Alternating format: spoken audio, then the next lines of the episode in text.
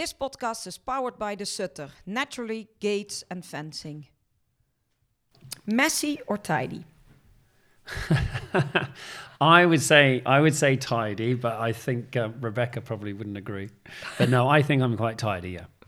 Mowing the lawn or motorcycle? Oh God. Right. I would have said mowing the lawn, but I think definitely now motorcycle. Australia or England? I have two lives. Grew up in Australia. Australia's an amazing place to grow up. what I do, very much England. Cooking or being cooked for? Um, I I have to cook. You have to cook. Okay, cool. Let's get started.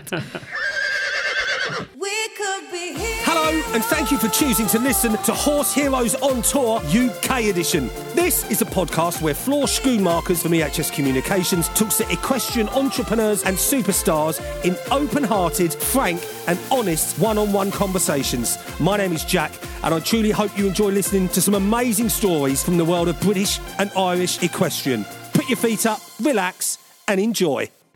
British born Gareth spent most of his childhood competing in a variety of equine sports while he lived in Australia. He returned to England at the age of 23. These days, he's a member of, the, of Team Great Britain. He was this year's Olympic team reserve in Tokyo and part of the silver medal winning team during the Europeans in Hagen. He is married to the gorgeous Rebecca and the happy dad of their talented daughter Ruby. Today is my guest, the wonderful Gareth Hughes.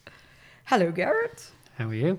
Thank you for having me over No, thank you. all the way in England. All the way in England. So they let an- you in. Yes, they let me in. It's an exciting trip for me, I have to say. So I Good. had, uh, we've done all the, the Dutch shows, had all the interviews Okay. normally in Dutch. So Yeah. uh, I have to get used to it to speak English. Well, your. English is a lot better than my Dutch. oh yeah, well that's a, oh yeah, that's that's a good excuse. What we always do when we start the interview, yeah. we go uh, way back in time Okay. and start Mhm. uh, where you were born and where you grew up. So if you can tell me that. Okay, so um, I was born in the UK. I was born in a, a village called Northallerton up in uh, Yorkshire. Um, and uh, when I was six, my dad, through work, got a transfer to Australia. So, as a six year old boy, um, mum, dad, and at that point, three sisters, Yeah. uh, we moved to Australia, to uh, Queensland. Do you remember that moving? I do you know what? There's a couple of things I I remember. I remember there's obviously I sort of had little snapshots of of, of growing up over here. One of my memories of actually moving to Australia is um, at that point, uh, mum rode a little bit. she had a, a horse that she used to do a little bit of hunting and things on, but I wasn't really interested in horses. But I had a horse book Yeah. a big hard-backed horse book which had pictures of all different types of horses in it and i do remember that through the school i went to is i think it was like probably every friday or something we got a sticker and i used to put my stickers inside my book Oh, really? and um, when we moved to australia because we were moving we were only able to take so much stuff Yeah. and mum and dad said i couldn't take my horse book and, Oh. I, and I cried um, and I was able to take my horse book. And I remember walking onto the plane and having my horse book under one arm with my little bag under the other. Um, and then moving to Australia, yeah. So that was actually your most important item. Mm. it was my most, horse which was, which, and I had no idea because at that point I'd never ridden a horse. No. I'd, I'd never, but there was obviously sort of something in there that was Yeah. gonna, gonna come out later on in life. Yeah. So then you moved to Australia. Yeah. How long did you live there? So I grew up over there. So I six when we moved, and I was 23 when I came back to uh, came back to the UK. So I, I grew up Australian. I did all my all my schooling over there. Um, you know, my childhood, teenage, early adulthood, into my 20s over there. And how did you actually, after the horse book, came in contact with real horses? What happened? So um, where we where we grew up, we grew up in a in the south of Brisbane, and I grew up in a um, a town called Jimboomba. So there Yeah. you go. There's a good Aussie name. Yeah. um, Jimboomba, and uh, we had a bit of land. So you know, it was it, it, it's, Australia's huge, and especially you know when you go back 25, 30 years, it was a lot of people had these smaller property, well, small properties for over there. Um, so we had 10 acres. Living in the country, 10 acres, what do you do? You get pony. Yeah. And I think you know that was sort of from my my mum. She sort of thought, oh, it'll be nice for the for the kids to ride, and so uh, we got a little pony, and then um, and it was one of those typical little grey ponies that you know used to throw you off and dump you and, and things, and sort of hated it. Um, but actually, there was a, a, gentleman that had moved just into the area called Trevor Bonney, and mm. he was he was an old fashioned all round Aussie horseman. Like, he was equivalent to a, an American cowboy. You know, he did everything. And um, so we went to him and I started having lessons at, at his place. Yeah. I remember very, very first lesson was in a round pen. Yeah. You know, getting on a horse. And I remember his son at that time worked for an ice cream company and he came home with some ice creams. I remember my very first lesson having an ice cream. So that, that was very exciting. Um, so I just started with him and um, my sister, we, I've got four sisters. Um, my younger sister was born in, in Australia, and we all started to ride through through through Trevor. So Trevor Trevor made it a lot of fun. I mean, we, you know, we used to do you call it hacking over here, but lots of rides. He had a river behind his property, so he used to go rides through the oh, river yeah, and really nice. bareback and go swimming with the horses. Yeah. It's sort of you know that sort of lifestyle that you can imagine in Australia. Um, but um, it was sort of something that, as I started, it just became. Well, it became me you know, I just I just wanted to be around horses, wanted to be with horses. Um, so I used, I started doing more and more with him, and so but over in Australia we have um, a big sort of Western circuit Yeah. and youth circuit, and we have um, there's sort of it's called Australian stock horse, you know, um, and all, all these sort of different um, aspects to the equine industry as well as the dressage, the eventing, and yeah, show jumping. yeah, yeah. Now I'm Jimboomba. It wasn't the epicenter of world dressage. um, so I grew up doing Western and English and showing, and I actually grew up in the Arabian industry. So I showed in hand, and and then the my group of friends in that area were all involved in the Arabs as well. So there's a real group of us that sort of grew up and we came through the youth and.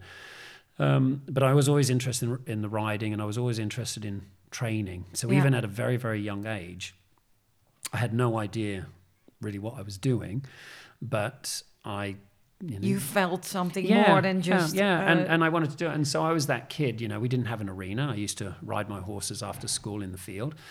You know, and I was that kid. I used to sort of get on my horse and I used to go down there and sort of practice halting and then doing these little workouts. And and I had no idea really back then what I was doing, but I was sort of really, I just wanted to train horses back then I just thought I was riding them. But then then then I'd ride my horse down to my friend's place. Then we'd ride to the shop, and yeah. um, then we'd go out bareback. Then I'd go and round up some cattle, and so it was a real sort of all round, all round sort of horsemanship, sort of like growing up. Um, dressage at that point was nothing that I'd ever done. Um, but again, looking back on it, there was little things that were, I suppose, happening that were going to eventually pull me to where I am now. Yeah. For instance, um, my Christmas present of my grandparents, who were in the UK, was the British Dressage magazine. Oh yeah. So I used to follow the dressage, um, even though I never followed it in Australia. Um, so I sort of had this pull, and then through my teenage years, I just kept doing. I was um, very involved in the Arabian industry, um, showing, showing classes and, and and in hand and things like that. Basically, doing anything with horses. Um, and then the the Arabian shows over there are huge, and especially the performance side of it. And then they had some dressage tests. So Oh, I yeah. started to do some very very low level, what we call prelim over here, which is walk, trot, canter, circles, Yeah. things like that. Um, but I started to sort of do a little bit of like bit of that, and I I used I started to get a bit not obsessive about it regarding me doing it, but then starting to follow it. And it's I mean you wouldn't think so. It it wasn't that long ago, but you know back then we had no internet. You No. know, there was no YouTube. No, no, no, no. There was no. There so was you no, couldn't look up any so you couldn't look at anything. Nee. So then I used to start buying, like, you know, then all of a sudden video recorders came out. And I used to buy the VHS tapes of the Europeans and World Equestrian Games. So I used to, even though I wasn't doing it, I used to start following it. Um, and then there was little things that sort of happened through my teenage years. Like um, I was at an Arabian competition, and I remember coming out of a class, and this lady, this old lady, came up to me and she said, "Where are your parents?" And I was like, Uh, what um, did I they're do? over there. Yeah, what did I do? And she was like, I want to teach you. Oh. I was like, okay, I have no idea who you are. So anyway, she went and talked to my parents. And she was an old lady called Ollie Nunn, and she was the mother of a five star, current five star judge called Mary Seefried in Australia. Oh wow. And and so this old lady, so this, and also all of a sudden there was this sort of step sort of towards where I was going to go without me actually realizing it. So I used to have some lessons off her, and then um, I was sort of got to about sort of 15, 16, and then there was a big equestrian centre not far from where we live called Pine Lodge, and they brought over a trainer from the UK called Sandra Pearson Adams, who was a fellow of the British Horse Society. Yeah. So I went to her and then I started having lessons off her. And so slowly my my riding was even though my riding at home was still very should we say Australian riding the horse down to your friend's place and swimming them and stuff like that. I started doing some sort of more training, more should we sort of say dressage training. And Yeah. so slowly I sort of started to get the bug without without sort of fully going into it. Um, so I used to follow it a lot, and then I sort of got the bug, and then um, I was always going to do horses because I was pretty useless at school. Um, I was actually when I finished school, I was either going to play saxophone professionally Oh. or ride horses. Yeah, that's what I wanted to ask you. What did you want to, w- w- growing up as a child, what did you want to Yeah. be? Well, I was always going to ride. yeah, Um, you know, it, it, I went to school and because you had to. because I had to. um, I was a pretty average student, um, but my mum's a music teacher. Oh. So we all did music, but I, I played saxophone throughout my school. So I was in bands at school. And so when I left school, I thought, well, there's only two things I can do. It's either riding horses or saxophone. yeah.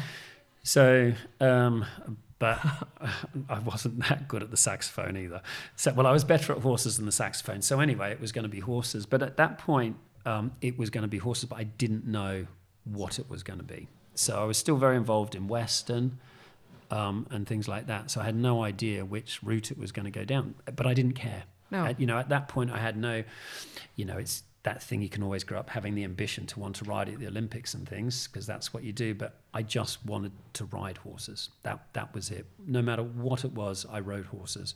So it was you know riding, backing babies, or doing a bit of competing, or riding a Western class, or rounding up cattle, or you know any of those things. It didn't matter. It was just it was just horses. But within me doing that, I very much started to follow dressage.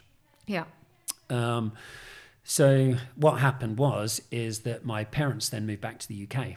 And 14 years later, they moved back to the UK, Yeah. and myself and my elder sister stayed in Australia. And um, I got to the age of 23, and I thought, "Do you know what I should do before I really settle down? I should come to England. Well, being male thinking this is is I actually thought what I was going to do I was going to come back to the UK for a couple of years because I thought I'll do that before I settle down in Australia and you know possibly meet somebody and blah blah blah. I'm going to come over to the UK. I'm going to get a British accent because back then anybody with a British accent in Australia was teaching lots and Oh, earning lots of money because obviously you knew more. um, so I thought I'm going to come to um, I'm going to come to England for two years and um, get an accent, go back to Australia, and then all of a sudden my career would be in front of me. Yeah. So what happened was is is the the 12 months before my parents moved back is I was thinking about doing this. So I actually came over to England on holiday and I got offered a job in Holland. Oh wow. Yeah, I did. I got offered a job in Holland and um, H- how?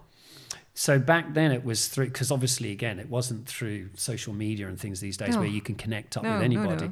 Um, it was through an equine agency.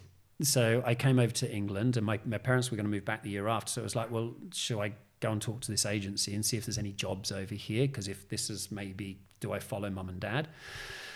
So I got offered a job in Holland. Um, so I went back to Australia to, you know, we sort of sold up the couple of horses we had and things like that. Um, and I went to Holland and I lasted, I think, about two and a half weeks.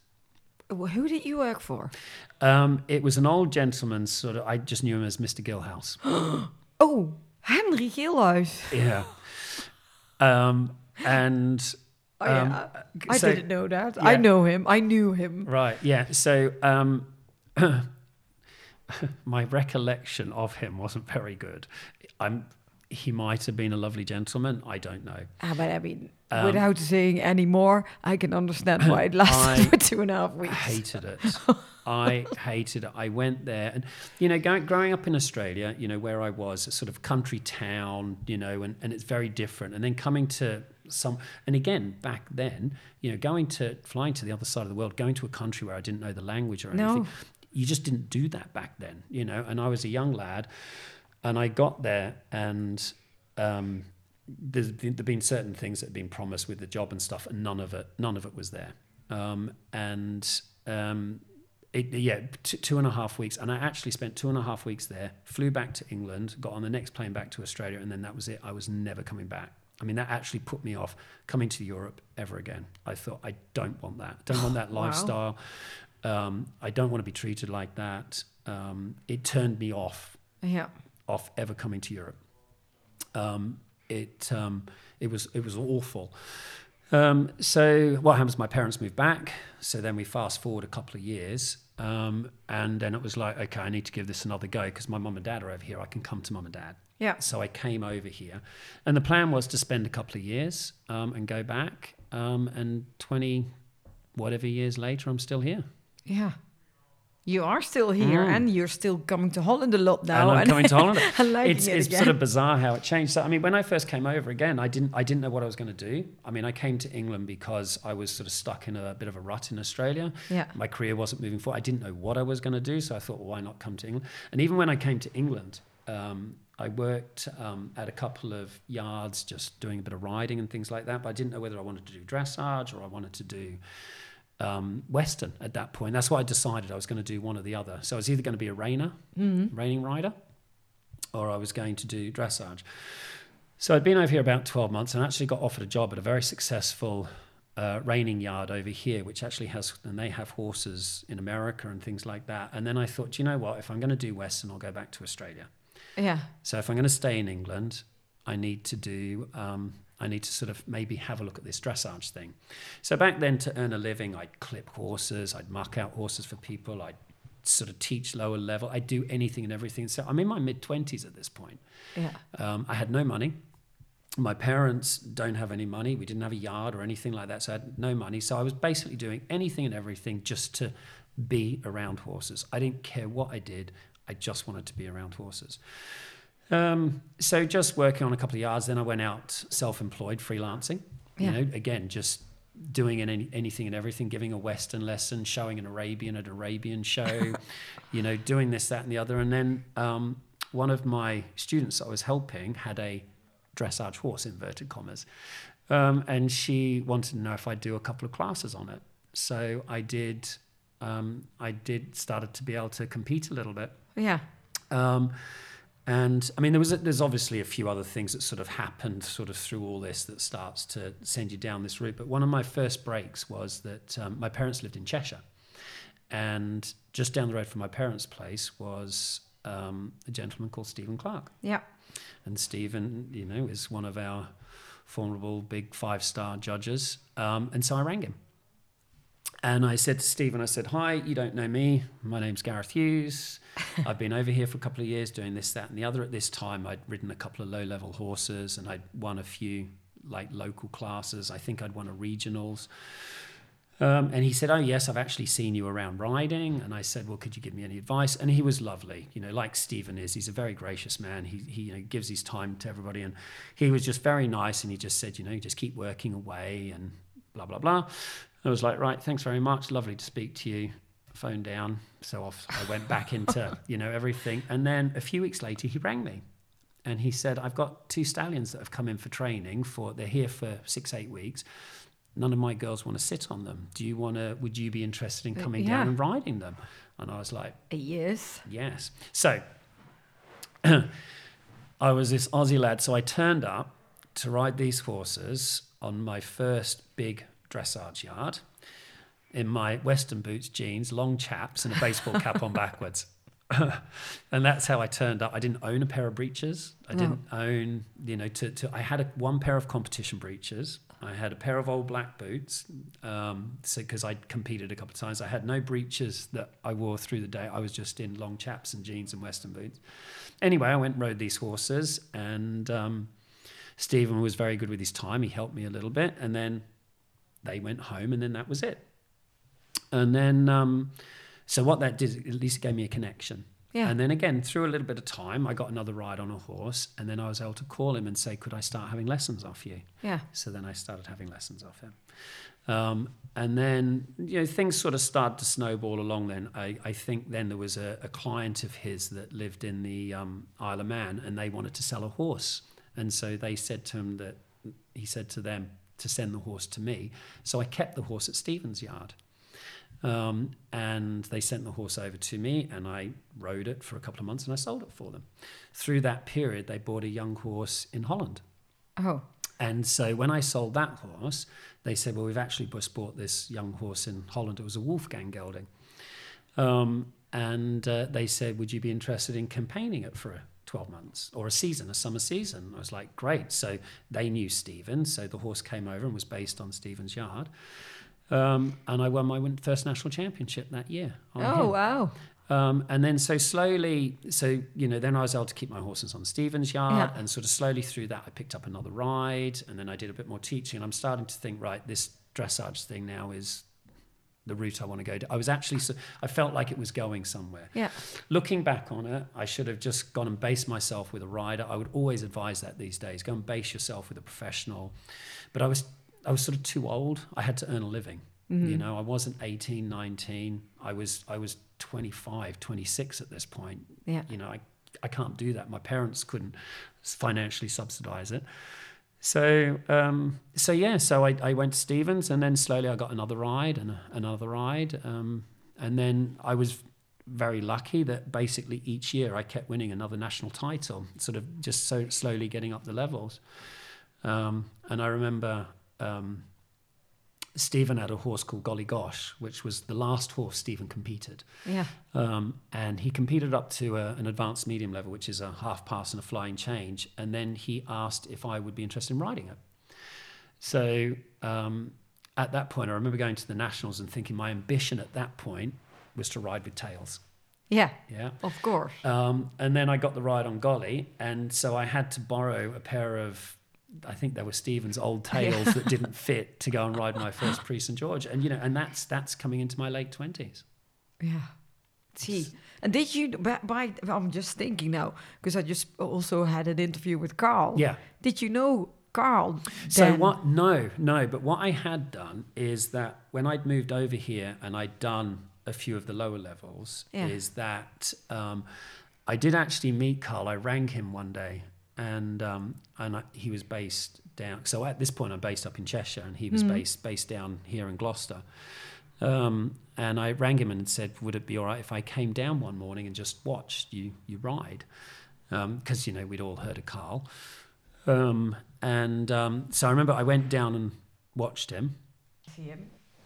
So yeah, so I rang Carl um, and said, "Would- you know, would you mind me coming down? And so he said, yep. So I went down and I spent a morning just sort of watching him ride.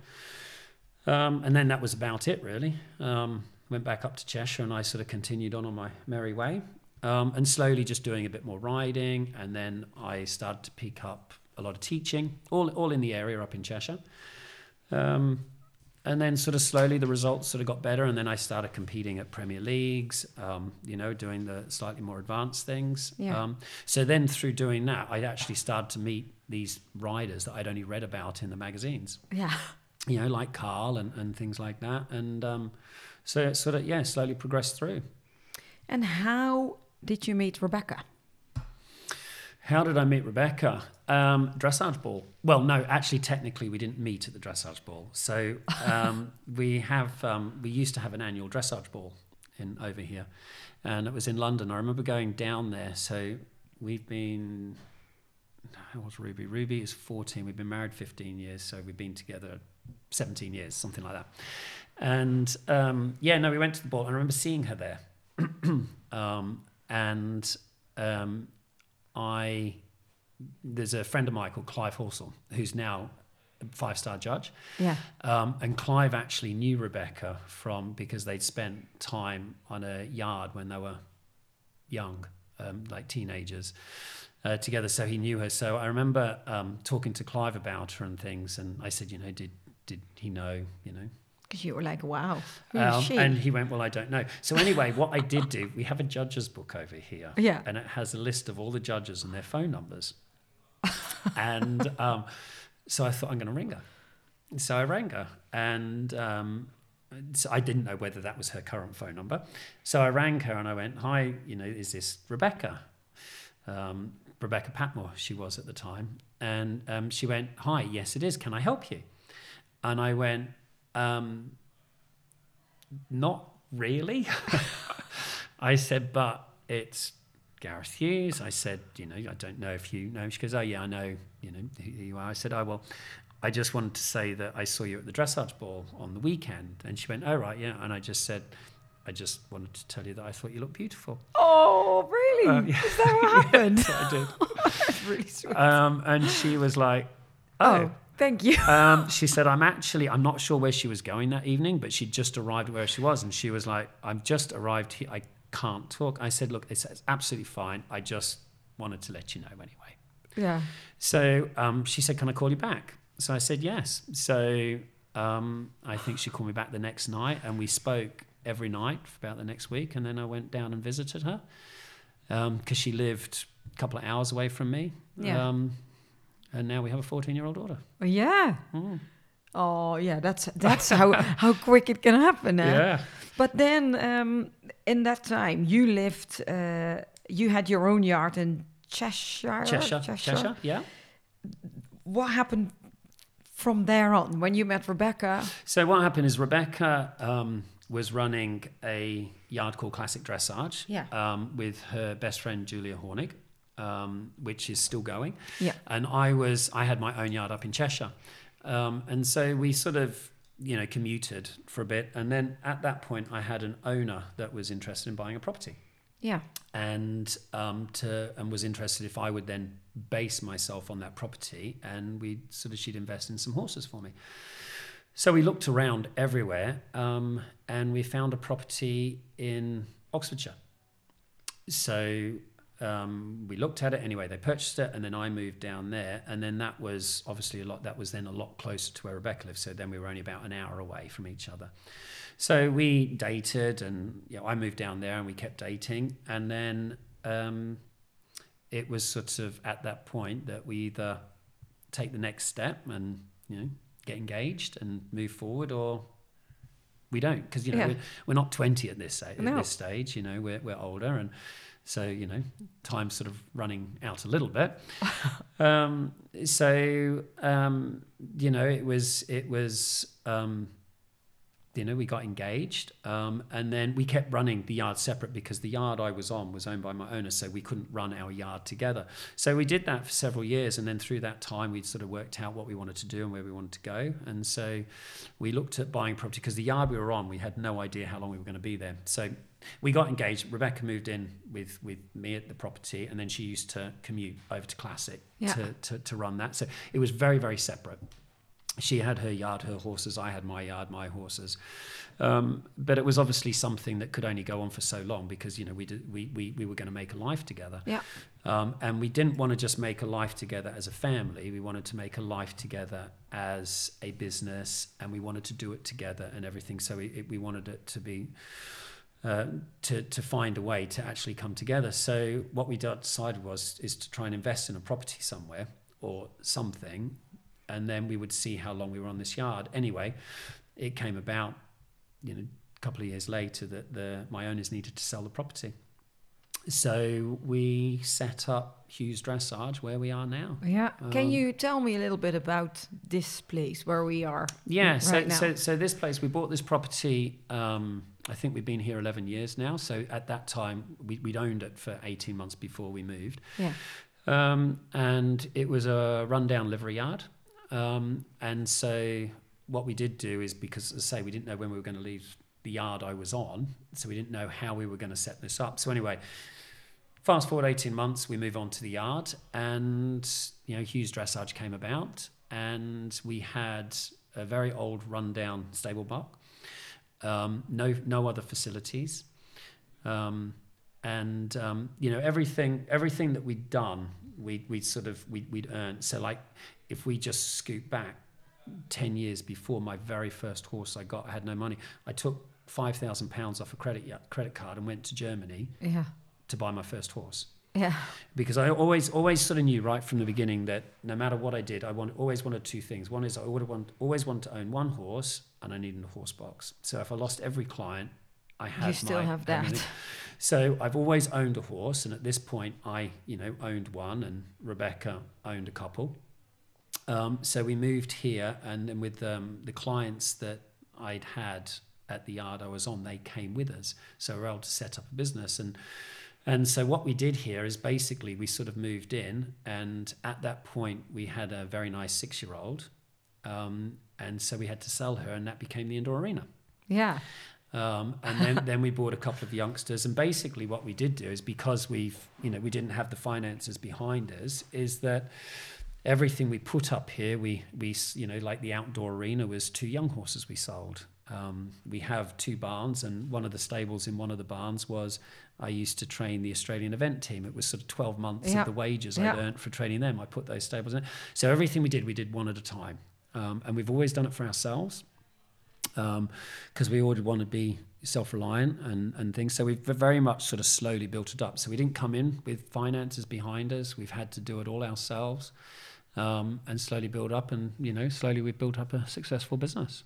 Yeah, and you're both uh, successful riders. Yeah. So so coming here, um, obviously, then we could start to put the business together. And now, you know, I have my group of horses, and Rebecca has her group of horses, and now we have Ruby, who has a couple of horses. And what's worked out really well, because obviously, when you first start together, you don't know how the business is going to run, because you know, in the horse business, you all do the same things: you ride, you teach, and you Yeah. know, you might sell a couple of horses or whatever. So slowly at the beginning, it might have not have been so easy because it was like maybe we're treading on each other's toes a little bit. Um, but slowly it sort of evolved, and we have now, we now have a good business where you know, as I say, I have my horses, Rebecca has her horses. Um, I sort of probably oversee the running, day to day running of the yard. Um, I do an awful lot of coaching. Um, Rebecca likes to coach a little, but she loves sourcing horses and does, does horse shopping and things. So she Yeah. looks after that side of the Yeah. business. I look after a little bit more the coaching side of the business. I probably look after the day to day running of the yard, and it, so it allows us. It's sort of it's sort of worked out now that we we have our separate thing we do with the business that makes Hughes Dressage run.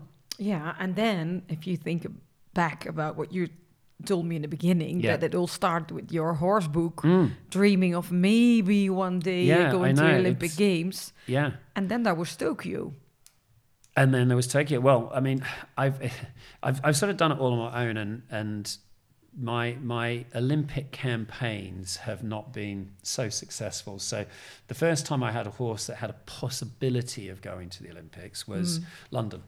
Yeah, So, uh, London, we had the team of three, but they also had those individuals yeah, yeah, that year. And I had a horse the year before that had gone Grand Prix uh, called Classic Sandman. who yeah. actually Sandman, then I know Sandman. Craig bought because he was called Cor- Corenblum Sandman Yeah. at that point, and he'd done really well in his first year at Grand Prix the year before. Yeah.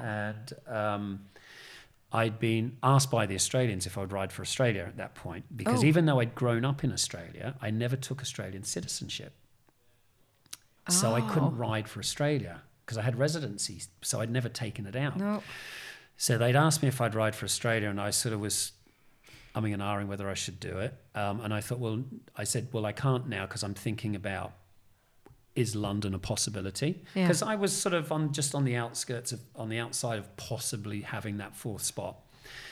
Um, anyway, um, he went lame yeah, over that winter, so I had no chance to sort of campaign for for for London. So then we went through. Then the next um, Olympic Games was Rio Rio, yeah, and I have a beautiful mare called Briolinca, yeah, who again Rebecca had found through through Craig at, at Cornblum, um, and she was um, that was her first year at Grand Prix again, and she was in the running for a spot. And this last selection, she'd injured herself at the beginning of the year, and we got her back going, and we'd done a couple of internationals, and we got good enough marks to be in a fighting chance for the Yeah. one of the four spots. And the last sort of selection trial, as such, was Rotterdam. Yeah. The oh big- yeah, big- I was the I was there. Cup. I remember that. And um, it was a bit touch and go. Um, but anyway, we were working in, and my name was called. I was next one into the arena, and we took all the bandages off, and I went down to the bottom of the arena, and I remember it so clear. Went down to the bottom of the arena, did a last extended trot across the diagonal, and halfway across the diagonal, I felt something go, Yeah. and I pulled up, and I said to you know the the team that were with us, I said, I think she's done a leg. And they were like, no, no, she looks looks fine. I said, no, I, I think she's done a leg. So I went trot and she was lame. And then she'd, she'd pulled a front suspensory. So I walked past, you know, you know where you go from the working in at Rotterdam Yeah. up past the Yeah, arena. I, I, I was there. and I remember walking past and everyone's like, you're in, you're in. And I'm like, No, I'm not. she's, she's, she's just done a leg. oh, so that was that Rio. was so sad. So that was Rio.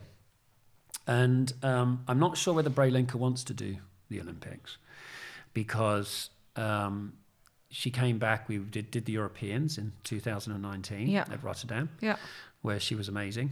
Um, you know, we finished we finished in the top 10 there in all, all our classes. And, um, you know, she was really, I think we, we, well, we were the highest scoring British rider, and she, she was unbelievable. So obviously, Tokyo. Yeah. Tokyo was the year after. COVID struck. Yeah.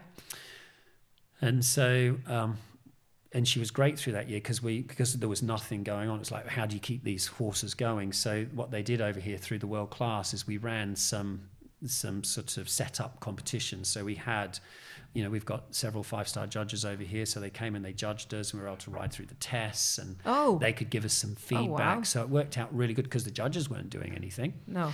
um, because they weren't allowed to travel, and um, the judges weren't able to do it. So at that point, they were able to come and, and do this. So it was great. So we had like three or four of those competitions, and she was running great. Um, so um, we were like, right, okay, so Tokyo. So um, 2019, obviously, it didn't happen. So we roll into 2020, and she went lame. Beginning of the year.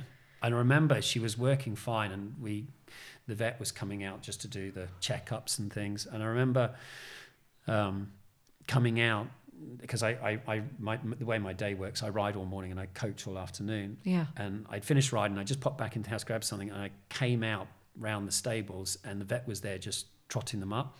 And I watched her trot away, and she was lame. And I stopped, and I looked at it, and I went, "She's lame." And they turned round, and anyway, we went and scanned her, and she'd done a front suspensory, and it was like, Heartbreaking. "That's Tokyo. Yeah. Tokyo's gone." Yeah. and with her being so ready the year before, and it was just at that day, Tokyo, the Olympics were gone. So then what happened is I had uh, a young Grand Prix horse called Sintano Van Hof Olympia, who Yeah. again we'd purchased through through through Craig, and that was with one of my owners called Judy Fernston Williams, who I'd ridden a, a mare of hers before, and she said she would love to own um, a horse with with me. So we we went into Sintano. We've had him since he was six, and he'd been successful over here. And 2018, he was small tour, and he won, I think, seven or eight international titles at small tour. So he was doing well. So anyway, through lockdown, Sintano, I'd got him through to Grand Prix, and so it was like Briolinca's out. It was like Sintano, what can you do? Yeah. So it was like, okay, we're going to have to go and do couple of competitions. So we went straight to Belgium to Opglabbeek, Yeah. um, where all the Dutch were out. Yeah. Um, and he did really well there. I think in the Grand Prix, he just finished behind um, Edward and Hans Peter. Um, and then we came back and then we did um, another CDI over here called Wellington. And then at that point, the traveling got really difficult with with COVID. We, we'd had the Brexit issue anyway, but then with COVID and some competing was really, really difficult. Anyway, he'd done enough to then get selected for. Um, for Tokyo as the um, as they call it the alternate, yeah. Yeah. How was that for you? The whole experience there. Um, I mean, I'd been to I've been to the Olympics before um, as a coach because I coached the Australian event team, so I'd been to an Olympics, and so I'd sort of seen him behind the scenes and stuff. So, and you know, I'm not I'm not young anymore. I'm not you know I'm not in my twenties where it's all just exciting to go to these competitions. You know, I've sort of been around about it. So, of course, it's very proud to be selected for the Olympics. So I was incredibly proud.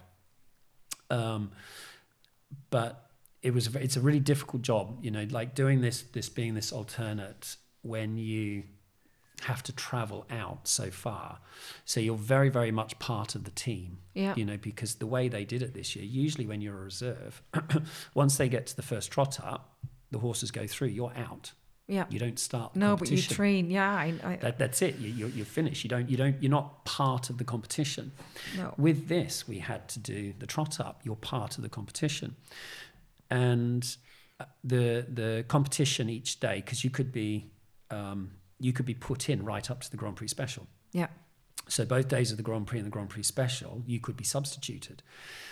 So you could be substituted two hours before the competition started.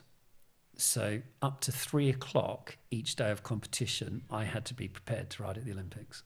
Yeah. And then I got a text at three o'clock saying, "We don't need you." Yeah, that's really. It's really tough. Yeah. Really, really tough. And obviously, you know, you're you're there to support your your your teammates. Um, we have a great team. We get on incredibly well. Yeah. I've been training with Carl for I don't know, 18 years. We get on very, very well. Um, we're a great team together, so I you know, really wanted to support them. Um, and that was my job. It was be there to, to support them and be be a backup if if God forbid one of those Yeah. you know something went wrong. You don't want it to go wrong because they're the top three horses, but also you know You're you there. want you want to ride. Yeah. So it's, it's it was really tough, and then obviously you know they went on did fantastically well. Um, Yeah. You know they got the they got the team medal, and then you know Charlotte went on got an individual. Um, and so on one side it, it was it was amazing to go out there, be part of the team. We had a great time. Um, it was very different this year because you couldn't go out. No. You know, there was no no enjoying Tokyo as such. So, you know, once you were in the facility, it was very much an Olympic Games, but outside you wouldn't even know the Olympics were on. So that No. was a bit weird. Yeah. Um, so, um, so, but it was a great experience for, uh, for my horse Sintano to travel and be trained out there and be ready because then this year, a month after, we had a European Championships. Yeah. So we've never had two championships in a year. No. No. So the hard part was then is after that is because of the whole build up to the Olympics and things that Sintano had hardly competed, and other riders over here were actively competing, looking Yeah. for that spot for the Olympics. So obviously the three of them that competed at the Olympics, they they'd secured their spot for the Europeans if their horses came back from Tokyo feeling well, fit and healthy because of their results at the Olympics. I had no results No. because I hadn't competed No. My horse was going well. Everyone could see my horse was going well, but I had no results. So then when we came back, we gave the horses a week off because I think it was literally five weeks or something between the Olympics and Europeans, Yeah. five or six weeks. So there was no time to get back and then go and do a competition to get a result. So I had to come back and we put him back into work and it was just am I going to get selected for the Europeans or not? You know, I hoped I had and you know, I, I think it would have been quite unfair being selected for Yeah, Tokyo, of course, and then going not- to Tokyo yeah, and then not and being not- selected for the Europeans. Um, anyway, we were selected and Sintano went to the Europeans And that went really well. and then that went really well. So what was great um, for him is obviously then all the, the whole experience of Tokyo, you know, the, the lead up for the quarantine and then the flying and Yeah. the Olympics, which is uh, like five weeks. You know, he went to, to Hagen and he was so much more experienced in just being away, stables, working with other horses, the whole, because Hagen was really busy there's always a lot going on at Yeah. Hagen.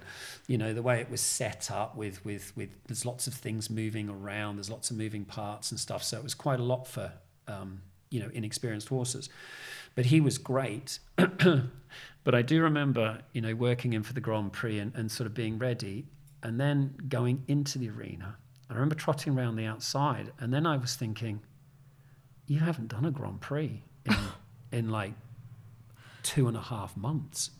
You haven't been down the centre No. line in two and a half months because of the whole because just because obviously once you got selected for the Olympics, they didn't want you to compete No. because they don't you know it's like keep your horses sound and because we got to prepare for the Olympics.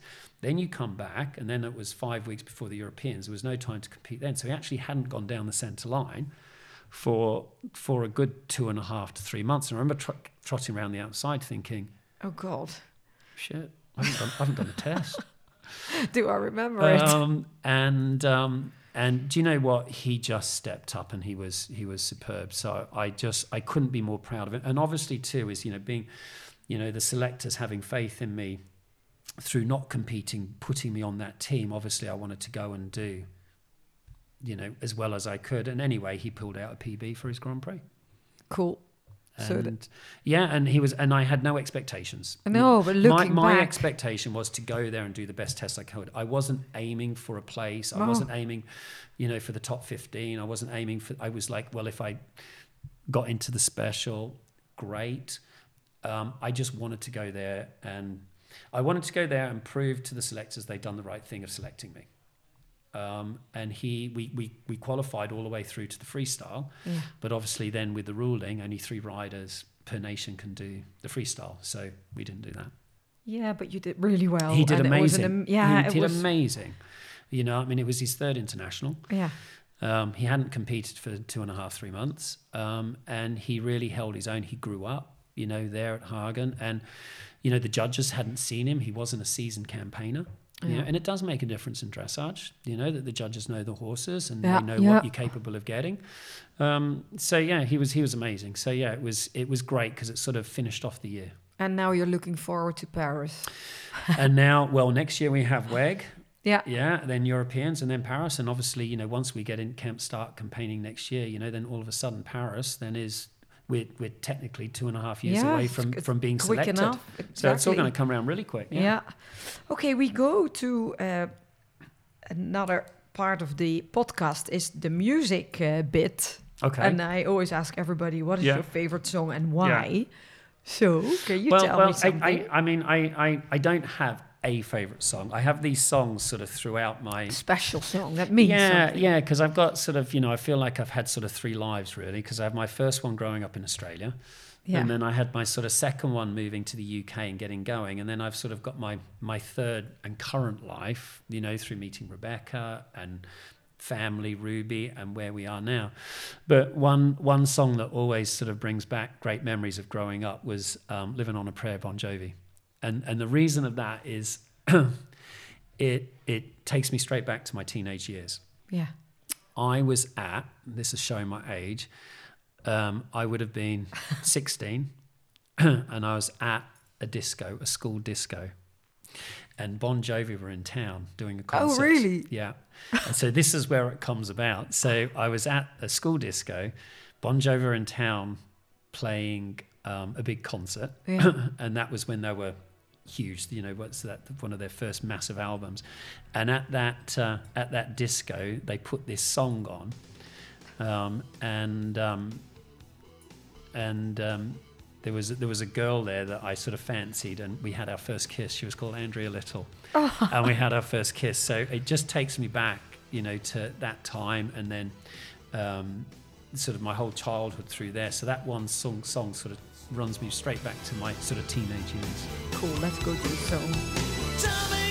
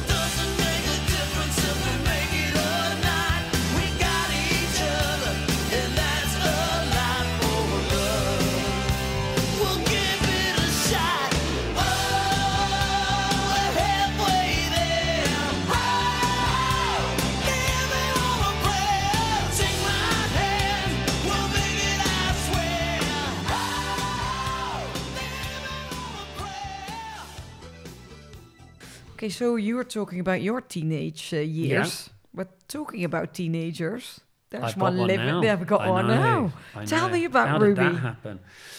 So um, Ruby is I think- well, she's 14 next week, Yeah. um, and um, she, well, I mean, you know, she's our kid, so she's amazing. Um, but she's she she's a great great kid. She um, has got the bug of the horses. Yes. Big Um, time. big time. So Very what she did is that she's she's she always you know, I mean through through what we do, you know, we live on a yard, we have horses and things. So the easiest thing for us to help her with is riding. Yeah. So she had a pony and things like that, but it was never. This is what you have to do. If you want to ride, ride. If you don't, that's fine. Um, but at a young age, she took up vaulting Yeah. and she saw the vaulting being done at a demo at the nationals. And she said could i do vaulting? And we were like well god you know we're really busy. And if you're going to do this then you're going to have to do it properly and it takes a lot of time and things. And the closest vaulting venue that we knew of was like 45 minutes drive away. And so we don't think this is going to happen unfortunately. So here, here's your pony. Off you go. You know have a little ride. Anyway one of the girls that worked for us bought ruby a vaulting lesson for christmas and we thought, oh, here we go. it works out that um, the English Vaulting Club is in our village. Oh, so yeah. literally a mile and a half away from us was this vaulting club. So she started vaulting there. Yeah. So she's always ridden and she did vaulting and she's done uh, European championships vaulting. She's represented um, GB at the Europeans. Um, and while she's doing been doing that, she's sort of been riding and slowly done a bit more and a bit more. And then o- over the last two years, she's sort of really picked up. And, you know, she's 13. Um, she's She's 13 and I just saw her do tempi changes on a big horse. How did that happen? I mean, thank God she can ride. I She mean, is in, in what really we do. She, talented. do you know what she's? you are allowed to say that about your She own kid. is super talented. Do you know what? What she she has. What is really nice is that she loves her horses. Yeah. But I mean, to the point that that you know, we'll be like, "Where's Ruby?" and she's out in the stables with them, doing a TikTok with them, or Yeah. you know, she wants. She doesn't just want to compete. It's not all about her sparkly hat and her polished breech, uh, her polished boots, and how big her lorry is, and all of that kind of stuff. She loves her horses. I mean, it's winter now. Rebecca and I had to pop out to do something on, on Sunday, and it's and it started to snow, and Ruby was here with help, helping the girls on the yard. Yeah. We came back. There she is riding a horse in a rug bareback in the arena. Oh, really? You know, and we're like, baby, it's snowing. She goes, yeah, but I know, but isn't it great? She just wanted to spend. She just wants to spend time on with them. So she has a real good connection to the to the horses. She's lovely with the horses. She's a very kind kid. Um, she works incredibly hard. She still vaults. You know, she does eight hours on a Saturday. She sometimes vaults on Sunday. She does it two evenings a week. She then rides. She did the. She represented GB at the Pony Champs this year. She was the under 21 national champion over here. She's competed up to Prix St George. She, um, but she has, um, she's a very soft, sympathetic rider, but she has incredible feel. Yeah. Um, so when you watch her, her timing is is unbelievable. Um, and you know, yes, we are who we are as such, and we have this facility, but it still doesn't mean you know you no, pass that talent on to the uh, kid. No. Um, and um, you know, she's she's really really good, um, and she she works very very hard at it. She's very very committed to it. She has a definite love for the horses. Um, she's very competitive.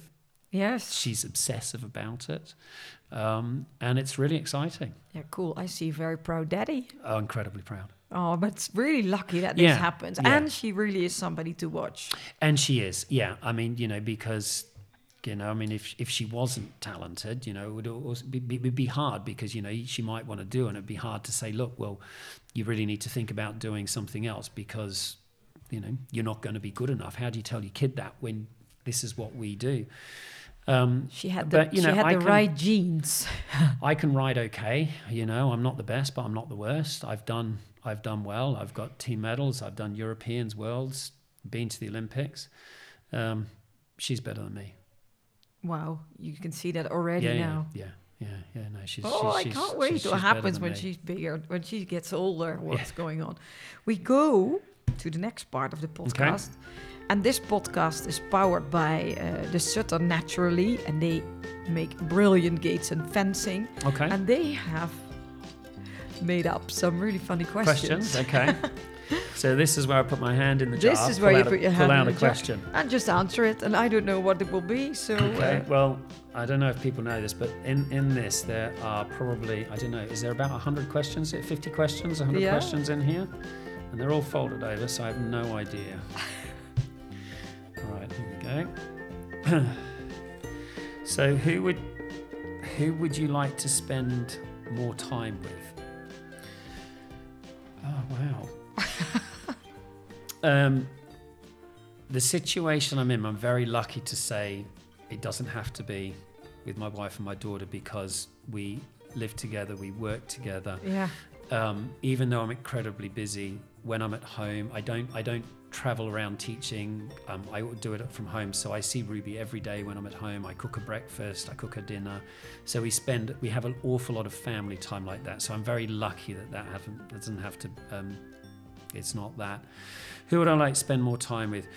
Um, if I had to pick one person, um, there's a guy called Michael Larkin who was my best friend growing up.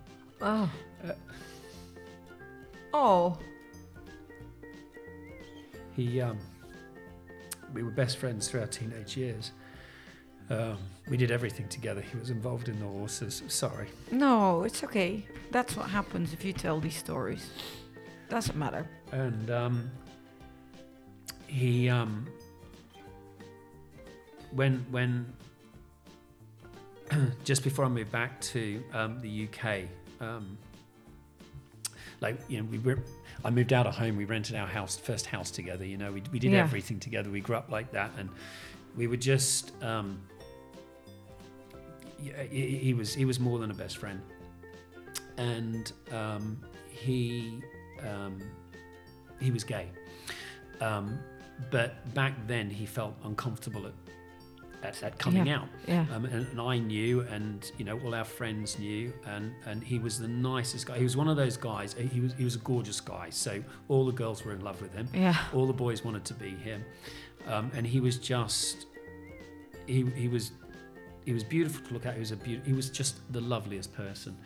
And um, just before I moved down to the UK, he moved down to, to, to Sydney, and um, I think he, he, he came out at this point, and I think he sort of dived into that partying gay scene back then Yeah. really hard, um, and he got involved with drugs.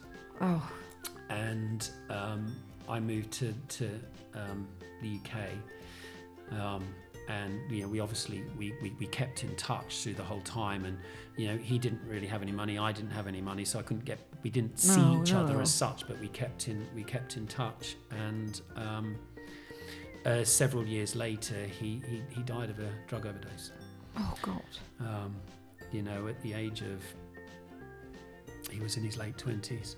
Um, Oh, that young. Um, yeah, yeah. Like, you know, he had his whole life a- ahead of him. And um, it was, it was, you know, in, in, incredibly sad. So if I could have one person back, Will be him. Oh, that's really beautiful. Okay, now we do another question with a happy, hap, happy, happier, happier question. Oh, No, but it, you know, it, it's nice. I mean, I haven't thought of Mick for a long time, actually. You know, because of that. But, but you know, to go back. yeah, but I've then had- you get such a question. Yeah, yeah, no, and it brings back, and you know, I've had a lot of very important and very influential people in my life that have Yeah. built my career on. Um, but do you know, I'd love to To see just to him. share because he always because I, I was always the one that rode, and he used, he was in the Arabians. he's used to show in hand, and he was always incredibly proud of what Oh, I did, he would have even as a really proud, teenager. Yeah. You know how how when when do you see 19, 20 year old lads being proud of each other? Yeah.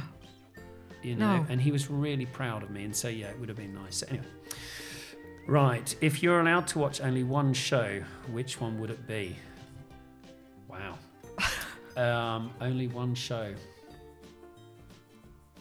as in television show. Um, oh, as in one show. My God, I have to think. Friends. well, I've done all of that. It's a hard thing these days, aren't they? Because there's so many of those series that are out. Um, do you know one that was very good that went on was Dexter? I don't know it. Yeah, yeah, that was really good. So, um, but actually, thinking about it, let's go through them that we've been watching. But I think, yeah, the one the one that you can keep going back to, which is always it always makes you laugh, is Friends. It's Friends. Growing That's the up, only series. I when think. when I think because because you know we grew up when it was running, yeah, um, and you know sometimes you pop it on TV now and it still and makes you still laugh. laughing. It Yeah, but it's something you can that- watch over and over It and is, over and it over is, again. yeah. So yeah, yeah, probably Friends. And I was thinking about that because you just Mm. told me about your really old friend. I thought, okay, Yeah. okay, one more. One more. Yeah.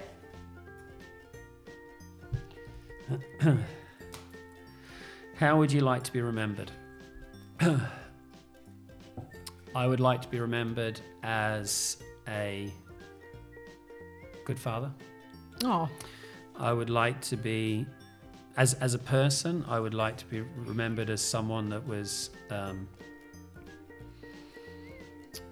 giving, kind, um, as a proud dad, as in my career, I don't need to be remembered for any success I've had. I'd like to be respected for the person I was and the rider I was. That's what I'd like to be remembered for. mm, I think you're doing a very good job at that. So I always think that you know success is great, competition results are great, but you, I think, one of the things that we should all be aim aim for is to be respected by your peers, Yeah. and so that's what I'd hopefully to be remembered for. I'm sure you will. And if you, if you hear you, what I heard you saying about Ruby and your family, then it's very obvious that you are a proud daddy and a family man. So, thank you, Gareth. That was That's really, uh, No really, problem. really nice. no, it was great. It was it was good. It was good and fun. it's an hour again. it's gone. It goes so quick, doesn't it? And there's so much because we haven't really touched. There's so many things There that happen. are, you know, how many more questions I Mm. have. There and the thing is, is now now things. you're asking these questions. I keep having flashbacks and think, God, I missed out on that, and I missed it, and we could go talk about that, and because Yeah. there's so many different things. I should come back. I think you're gonna ha- do, you're gonna uh, have to do you're gonna have to do this again, round two. Yeah, I have to do round Mm. two and three, four. That Yeah, same exactly. thing happened with the, when I spoke to Carl, and then I still have to do two Mm. more interviews.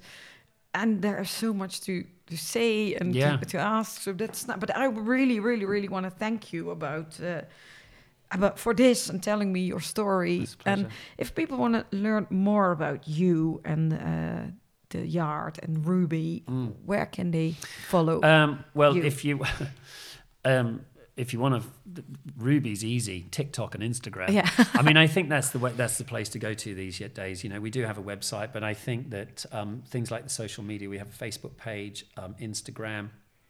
You know, I have one, Hughes Dressage one, Rebecca has one, Classic Rebecca, Ruby has one, um, and um, so yeah, just follow that. And I'm terrible at posting stories. um, apparently, I regram. That's the technical term because all I do You- is oh, you regram, re- repost. regram, yeah, but it's not called reposting; it's called regram. Apparently, my Oh, yeah. teenage daughter calls it yeah. because she says I'm boring. So, um, so yeah, no, just sort of follow our stories on there because we try and put, especially Ruby puts a, a load of information. Rebecca's very good, and then I sort of play catch up. You you, you, you the- regram it. That that's the easiest way. I have a little uh, Oh wow, thank you. attention for you, and it's uh, Oh, thank you. it's from the best chocolate shop in Weert. You probably nice. had it before Yeah, because yeah. you come over a lot. And uh, this is, uh, yeah, the, just some Oh, more perfect. information about Oh, uh, the sister. Great, thank you. and um, yeah, well, thank you again. No, for, thank uh, you. for the for this nice conversation. And next, And so, I mean, we've known each other for years Yes. through through through over at Craig's and things, but I haven't Yeah. seen you forever. Forever, so it's been lovely to see you. yeah, and then because n- when we are recording this, I'm over here, of course, with Craig Yes, and Vince. Yeah. And I did a podcast uh, in Dutch with Craig. Okay. and that's um, that's been out in December. Okay. So that was the last one Yeah. before I have a two week break. And now, Okay. now when this is out, it's January. Okay. So good. we have five shows with English uh, oh, guests. So it's exciting also for me Yeah. because normally, yeah, you speak Dutch and you're all Exactly. blah, blah, blah, yeah, blah. yeah. So we'll see wha- Yeah, well- how people, uh, if they like it, and we maybe do Well, it more so. often. Well, thank you very much. That's a pleasure. and um, till next week with another uh, English guest. Bye bye.